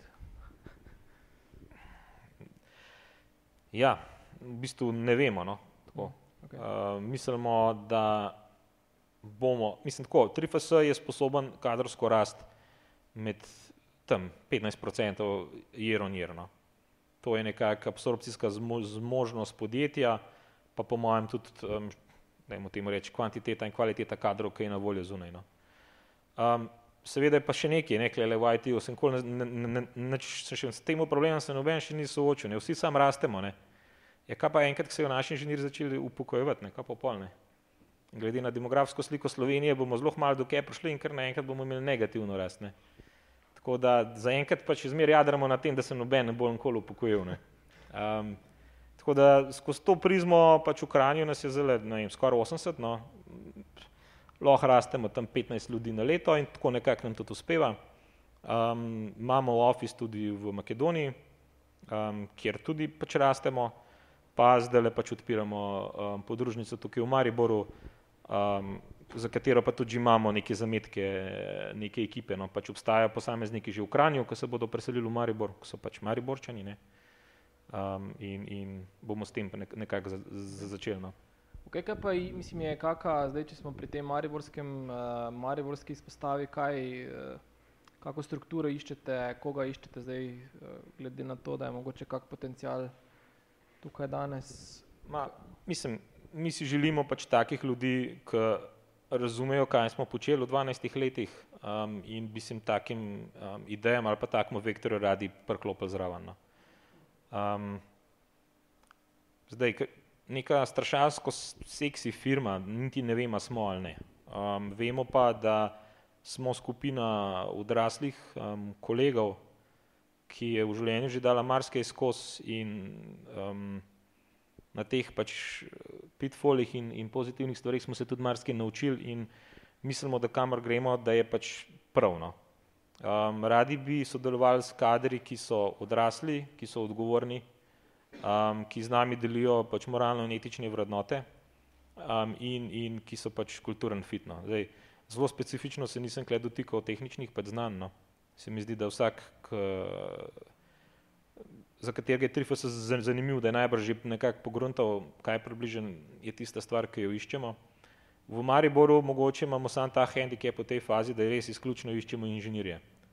Um, zato, ker dokler ne bomo imeli inženirske baze v Mariboru dovolj velike, um, družboslovnega kadra oziroma produktnega kadra ne bomo, ne bomo mogli podpirati, suportati ga ne bomo mogli. No.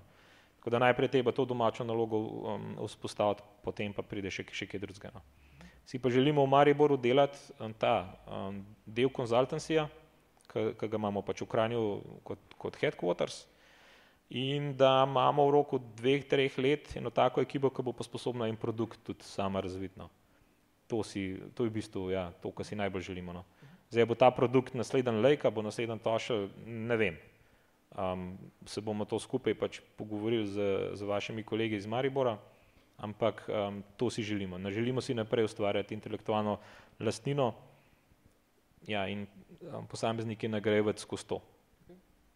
Je pot, da v bistvu pridete do teh naslednjega lejka, uh, izključno, da imate, da to z internim kadrom počnete, ali pot tudi, da pride zunanja ekipa, v kateri prepoznate potencial in jo nekako tehnološko uh, podprete, podprete z izkušnjami, v bistvu investirate na nek način uh, v, v neko zunanjo ekipo, dokat, ki, ki ni zgodovinsko del vaše.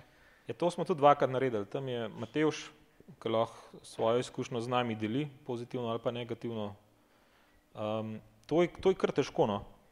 Um, ker s takimi pač posamezniki, ki pridejo k nam z, z idejami, je treba vzpostaviti um, zgodovino, no? to pa pač traja in um, to je zelo težko. No? Um, poleg um, pač Matevževe zgodbe, ki smo jo podprli, smo podprli še eno zgodbo imenovano Zero Pass, um, ki danes pomaga Irju. Um, drugače pa ne, drugače smo pa v bistvu interno in, inkubirali ideje, poslovne modele in kadre.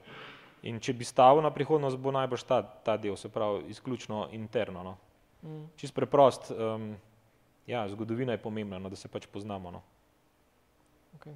Torej, ni ta neka zaletavost, ambicioznost za vsako ceno. Mislim, pri nas ne več, kot sem prej rekel, smo že, ti, ti, ti si umenil, da imam že nekaj sivih las. Ne? Um, ja, cela firma ima že nekaj sivih las ne? in z tega stališča smo mogoče malo manj zaletavino. Um, in ja, Je pa resno, to smo pa tudi naredili v preteklosti, pa ja, da smo kakšno ekipo, ki je imela kakšno idejo, kako naj to temu rečem po slovenskem, smo jo ponotranili. No. Tako, um, smo jo pripričali, da njihova ideja ne umna, ne, se se hecem. No. Ampak smo jim pač pomagali um, pri kakšni stvari no, in um, ena ekipa se je nekaj let nazaj pr preklopila pač Trifasaju in je pač del, del Trifasaja. No. Mm, mm. Okay.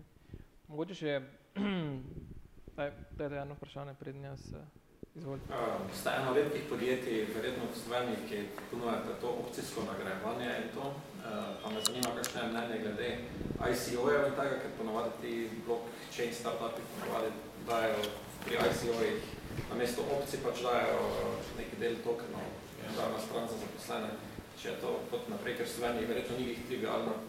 Ma, jaz na tole stvar gledam takole, no. Um, tudi danes upažam jaz v svetu, da je tudi opcijskih teh for, ne, skos manj. Razlog je v tem, da, zakaj jih je skos manj, pa zakaj jih mogoče tudi ICO mentaliteta zamenjuje, je, da se je veliko krat izkazalo, da je pač opcija oziroma šer v podjetju veliko krat vreden nič. Tudi token, ne, bo v večini primerov vreden enkrat najbrž nič, ne. Tako da z tega stališča je to približen ista, ista stvar, no, vsaj tako jaz gledam, no. Pokar pa danes opažam, ki je pa novo, ali pa novo, mogoče, saj zame, no, je bilo je novo, je to pa, da firme namest, da dajo šere, da rajš rečejo x procentov profita bomo vsako leto dal nazaj pač kadru. Kar pomeni, da v resnici dividende dobiva kader brez lasniške udeležbe. No. In vidimo pri naših največjih konkurentih v tujini, ki jih zelo cenimo, da je mogoče ta del, the way to go, sploh za neko slovensko mentaliteto. No. Se pravi, da bi rajš od dobička nagrajevali pač posameznike. No. Mi smo zaenkrat, imamo izkušnje izključno z ekvitijem, se pravi z opcijami, tako da lahko z tega stališča lahko kakšno stvar povem, vse ostalo pa ne poznamo oziroma ne poznamo, ni preverjeno na naši koži, no, so si samo neki feeling, no, ki ga imamo. No. A zdaj, ICO, ICO sveti pa itak, se sami veste, imate po mojem vsi dovolj kritično um, mnenje v celem svetu. Ja, pač un token je, ba je neki vreden, pri enih firmah bo vreden ogromen, to pač na to vsi stavimo, pri večini firmi tudi vemo, da ne bo vreden nič. Ne, tudi startupi so taki, ne, en procent startupov bo vreden ogromen, deset procentov bo vreden nekaj, devetdeset procentov jih ne bo vrednih nič. Z tega stališča je gamble po moje čisto isti. In tistim, ko se bo pač izplačal, bo, se bo fajn imel v življenju. Kdo se najverjetno fajn? Mislim, da sem kaj odgovoril. No. Mislim, da ja, zanimiva ideja je ta glede plačanja um, dobička. To so tudi eni ICO modeli so temeljijo na tem, da imamo potem nekaj buyback, uh, ja. dobiček gre v to. Ja, ja, seveda, ne. Se tudi klasična industrija se s temi dobički že zelo dolgo igra, ne. To pa zaradi tega, ker zelo težko neka industrija, ki dela, ne vem, ki ima pač tažen ljudi, pač gorenju, ne, poprečemo gorenjevemu zaposlenem, boš najbolj težko razložil opcijsko pogodbo, ne. Um, ali pa pač ga boš težko motiviral, da je to pač zanimiv, ne. V IT-ju je bilo to, je bilo to do zdaj lahko, ampak po mojem, ja, da smo zarili še za kakšen drug, drug način, um, kaj je to, delovske stimulacije. Ma ja, ali pa, ja, so udeležbe, no, tako, ja, to je lepa beseda, ja. Ne, ker pač dejstvo je, da firme ustvarjajo profit zaradi zaposlenih v firmi. End of story, pač konc. Bogaj, ampak profit je tudi. Prej imeli eno plačo, berete vsak ženek se želi 60 do 100 evrov plača bruto na leto, koliko je to realna plača v Sloveniji? V tujini to ni zdaj, je bi rekel, je dokaj realna plača za nekega inženira, srednje inženira, koliko je to v Sloveniji? Ja, jaz bom po, mogoče lahko delim pre, pred ICO izkušnje, no, ker zdaj pač ICO, ICO vse v Sloveniji, ki tako majhen ekosistem spreminja vse, ne. Pred ICO svetom bi jaz, sem zelo dobro poznam Montreal, zelo dobro poznam Helsinki, zelo dobro poznam Štokholm. Ne? In mogoče tedaj mi lahko vprašal, Helsinki so koliko inženirji, a so dvakrat več plačani, kot pri nas? Tam nekje, ne?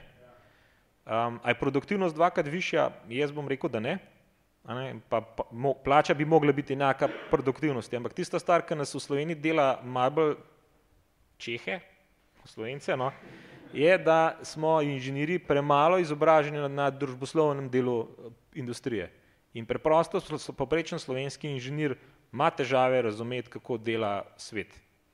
V tujini, v, tej, v, v tujini, po kateri se zgledujemo, pa je z teh težav viden fulman. Sprav, in tukaj je po mojem tista dodana vrednost, ki v Sloveniji pač je pred ICO-tom manjkala. No? Tako. V Montrealu, kjer zelo dobro delamo, no? v Montrealu je plača po trifasojemskem standardu senior inženirija 80 tisoč kanadskih dolarjev bruto. To je bruto bruto, ne? To je, koliko je to? Je to 60 tisoč evrov, ne?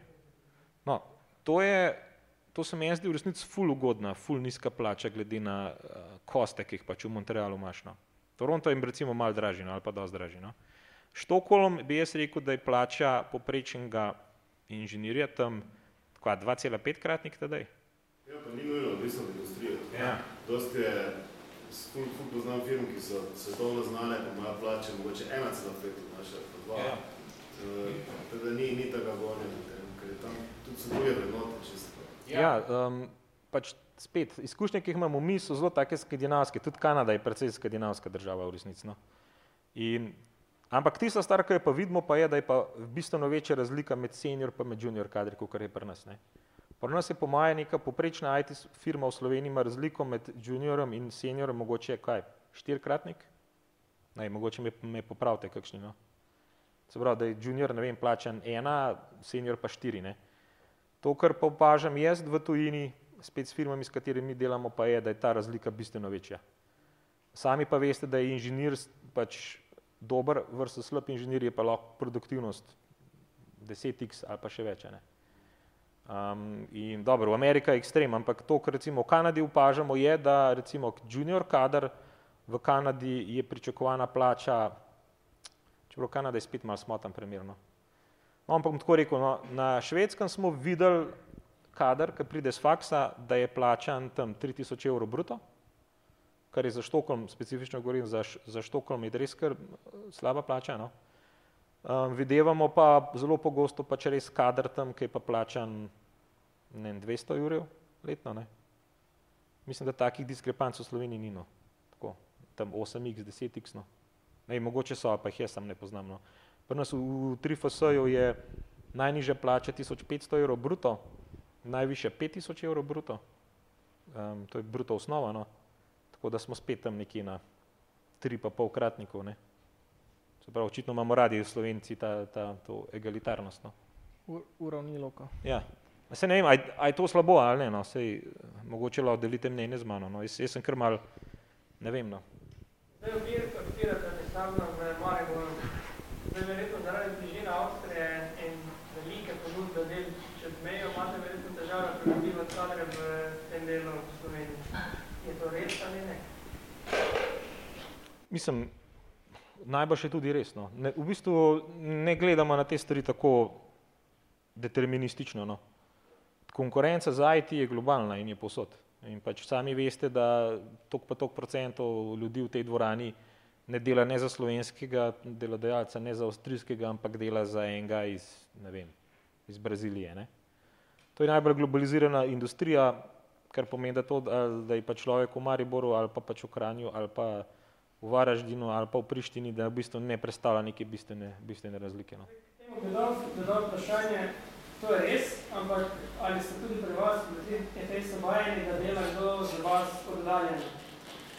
Um, pri nas je pravilo tako, da senior folk um, lahko dela en dan od doma, Um, hkrati pa imamo ekipo v Makedoniji, ki dela na, na remote, za, se pravi, trifose ekipo z, z kranjem. Ne. Se pravi, postajamo skozi bolj remote friendly, hkrati pa ne verjamemo v full remote. Um, se pravi, trifose ne more funkcionirati fully remote. Delamo take stvari, da to ne špila, da je to v bistvu predragono, se pravi, operacijsko, da je to predrago. Um, verjamemo pa, da lahko ja, 10%, ma 20% delovne delovne, um, delovnega razmerja upravaš pa na ta način, vsaj pri nas. No. Okay. Še kako vprašanje? Vaša firma je bila od Apple nagrada za design.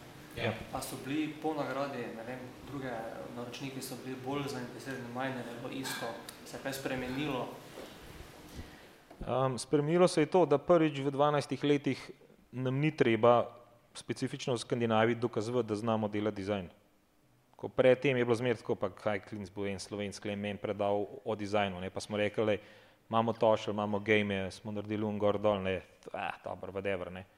Ampak dobro, danes pa pač, ne vem, ja, nam ni treba več kaj dosti razlagati, no. Pač povemo, tole imamo, zdaj pa ti v cen, ne, ali, ali je to kaj vreden ali pa ne, no. Pač govorimo vseeno o Oskarju. Ne? Najbrž, če dobiš kot režiser Oskarja, tem ben več ne vprašal, z dober režiser. No? Tako to se je mogoče spremeniti. Zdaj, smo zaradi tega, ker je več biznisa, biznisa dobil, po mojem, da niti ne. Sam je pa ulajšanje v tem smislu, da mi pa ni treba razlagati um, kompetence, to pa je ulajšanje. Ne? To, je, to, to je kar fajn občutek. No? Hvala. Uh, še kako vprašanje?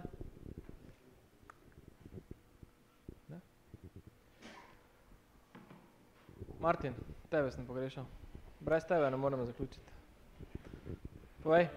Kdaj je ugotovili, da recimo v Sloveniji ne morete najti nekoga z neko znanjem ali pa izkušnjami, tako se rekel recimo z delom za multinacionalnimi, da ste iz tujine nekoga pripeljali, Slovenca, ki je delo v tujini. A Slovenca specifično? Ali pa, pa. Ja, mi imamo, samo koliko imamo tujcev? Šest tujcev imamo, se pravi, skoraj 10% firme imamo tujce. Um, te tujci spet po slovensko niso prišli k nam zato, ker bi bili mi neki ful dobri delodajalci ali pa ker bi imeli neko znanje, ker smo ga mi potem na trgu iskali, ampak so prišli k nam zato, ker so se zaljubili v slovenke. Ne? Okay, ena, ena je slovenka, ki se, uh, se je ukrajinka, ki se je zaljubila, pismo to se tudi ko smotan sliši. Okay, ukrajinka, ki se je zaljubila v slovenca. No, tako da, um, Slovenija se sami veste, za tujce v resnici ne privlačna, za IT tujce je neprivlačna destinacija. No. Um, tako da, da bi zdaj specifično iskali nekoga v tujini, iščemo skozi, da bi koga dobili specifičnim znanjem, bi pa rekel, da ne, ali pa ni prišel k nam za, zato, ker bi bili mi uspešni v procesu, ampak je prišel k nam, se pravim, zaradi tega, ker je bil že prej z eno slovenko poročen. No, specifično recimo Triki Tribe, njihov art direktor je Mehičan, ki je prej delal pač za multinacionalke na, na, v gaming industriji. Takrat ni bilo nobenega v Sloveniji, po mojem. In tada je bil kdo sedem let nazaj, ki je delal na, na Ubisoft nivoju art directing. No? Mogoče, no. Ampak spet, dobili smo ga zato, ker je bil pač človek um, zaljubljen v Slovenijo. Ne? Tako da mogoče ta Trifos Academy ni podarek na tehničnih kompetencah, ampak na lepoti. Ne, bo... Slovenk. Ja, tako. Ja. Oziroma, to, mislim, se, se vemo vsi, da je to recept za uspešnost države. Ne, no, ampak recimo zdaj malo šalo na stran, ICO pa v bistvu lahko spremeni to, da bo postal Slovenija ja. magnet za talente. Ja, ICO pa to spreminja. No, se pravi, klele smo Slovenija, um, zadnjič sem se s Tomažem Štolfo zgovarjal in rekel, da on ocenjuje, da smo tri leta pred ostalim razvitim svetom, kar se dojemanja ICO, ICO, ICO ta sploh, no, pa tudi delno blockchain kot tacga. No. In to je po mojem, ne vem, a se kdaj že v zgodovini zgodilo, da smo neki industrijski niši bili tok pred razvitim svetom. No. V času tama. V času tama, prav. A ja, Nordon, ok, ok, no, sprav, ja. V vesoljski industriji smo bili enkrat špica, ne, pa ladijski vijake smo ful dobro delali, ne. Um, torej, ja, um, vemo pa, mislim, tudi veste sami, da ta ICO denar, ki se je v Sloveniji zbral, ne, da se mora tudi porabiti. In porabo se bo mogoče na Lamborghinih, mislim, zagotovo tudi tam, no. Um, že vidimo, da se tudi tam porablja, ne, v Kranju imamo enega, no. Um, tako da to ni nobene debate o tem, ampak bo se porabil tudi na tem, pač, da bo kadre boš plačal, to je super. Um, in porabil se bo tudi to, da bojo kakšni tujci sem prišli. No. In kokor um, jaz poznam to industrijo, pa jo zdaj res kar dobro poznam, no, je kar tujcev, jaz kam rekel, enih 20% no, v, tej, v tej branži že v Sloveniji. No. Težava, ki pa je, je pa spet Slovenija kot destinacija. Pač za tujca je kar problematična. No. Pač videli smo, ko smo um, iskali ljudi po svetu, je, ko si rekel pač Slovenija, je, mislim, pa če bi v, isti, v istem stavku rekel Beograd pa Ljubljana, bi se 90% ljudi za Beograd odločili. Ne. Ne, jaz kadar grem, kadarkoli grem v Beograd, sem vesel, kad dan pridem, ne, tako da sem bil zmer, pač, ja, mislim, živ. No, pač jaz v Beograda res, res nimam rad, no, da, in sem, in sem pač zmer, zmer sem se sprašal, ok, what the fuck, ne. V končni fazi tudi, če mu rečeš Zagreb, Ljubljana, se bojo, pač večina se bo za Zagreb odločila, ne da ne bom rekel Maribor, Novi Sad, ne, tako recimo Second City, ne, ali pa Kran, Čačak, ne, um, no, pač ta izziv imamo kle v Sloveniji, ga imate vi v Mariboru, ga imamo mi v Kranju, ga imajo oni v Ljubljani, ne, da naredimo pač brand iz te države, ki bo privlačen za delovno silo, ki nam bo do, ne, ustvarjala največ dodane vrednosti v zgodovini industrijske dobe. Um, jaz si želim imeti Indice, Pakistance, Irance, se pravi, najbrž lahko ciljamo samo na tiste države, ki so po, po food chainu nižje od nas. No. Nažalost, no. pač teže bomo po mojem, no ja, mogoče na lepe slovenke, ne, pač skandinavce dol spravili ali pa, ali pa, ali pa francoze ne, ali pa tako naprej. No. Čeprav ne, po drugi strani pa tudi Slovenija se mi zdi, da postaje tudi skozi bolj seksi z večjih koncev. No. Za ICO ima pa mogoče še dodaten izziv. Ne. To je industrija, ki ni zaenkrat še ni glih preveč legalna. Ne. Oziroma vsi malo en drugega gledajo, ok, kaj zdaj, je to prav, ali to, a to lahko delam, a to ne smem delati. No. Po mojem bo to zelo veliko ljudi šlo v zapore. Tako. Um, ne, in če veste, za gospodarski kriminal je kdo pravnik lele.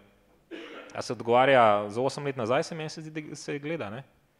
To ni hec, ne. Pač, kakšen inženir s čist dobrim, dobronamernim pristopom bo pristal zaradi neumnosti, ki je naredil 8 let nazaj, bo lahko v čuzi pristal.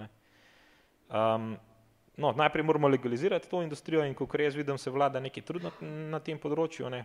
pa je pa po mojem vsem bo treba tudi na davčnem nivoju kaj narediti. Ker danes, če tudi če ICO, ki ima polno ridnarja, plača inženirja 150 jurjev recimo na leto, kar je super, ne, plača v Sloveniji, bo pač ta inženir se veste, koliko domov zvlekel. Ne. Pač se bo potem vprašal, zakaj ne gremo v Skopje živeti pa delati na remote, ker tam je, so, so socialna kapica na, na 1800 bruto ali koliko je že ne. Mm. Pač, ja. V Skopju kar dobro živiš na, na 170 jurjev na leto ali koliko že. Ja. Da ni Skopje enak primer kot Sarajevo, ko se inženirji od, odseljujejo iz Sarajeva, zato ker nima ki zapraviti tega denarja. Oh, Ico bo po mojem to, to, to povzročil, ker mislim, da je en izmed problemov v Sloveniji to, da ni uradnega servisa za Lamborghini. Nekaj treba narediti. Ne? Bomo to v Mariboru enega odprli. Ok, uh, evo, zadnja, zadnja možnost za vprašanje, en, dva, tri. Uh, kdo dobi, če ne debato, predstavimo v šank. Uh, še malo EPP-a za, za naslednjič. Uh, Enej uh, Mehajic, UX designer, bo govoril o po, pomoč uporabnikom, enako produktni razvoj, skratka UX tema naslednjih uh, spletnih uricah in uh, za tiste, ki si želite um, so ustvarjati največjo konferenco Startup v regiji, um, širimo oziroma iščemo ekipo, uh, tisti, ki imate čas in željo v maju, uh, iščemo enih deset uh, uh, super, super komunikativnih članov ekipe, um, javite se na startup Maribor slash podim jobs in to je to. Evo, šank se odpira, Andraš, uh, hvala in velik aplaus uh, In to je to. Hvala vam.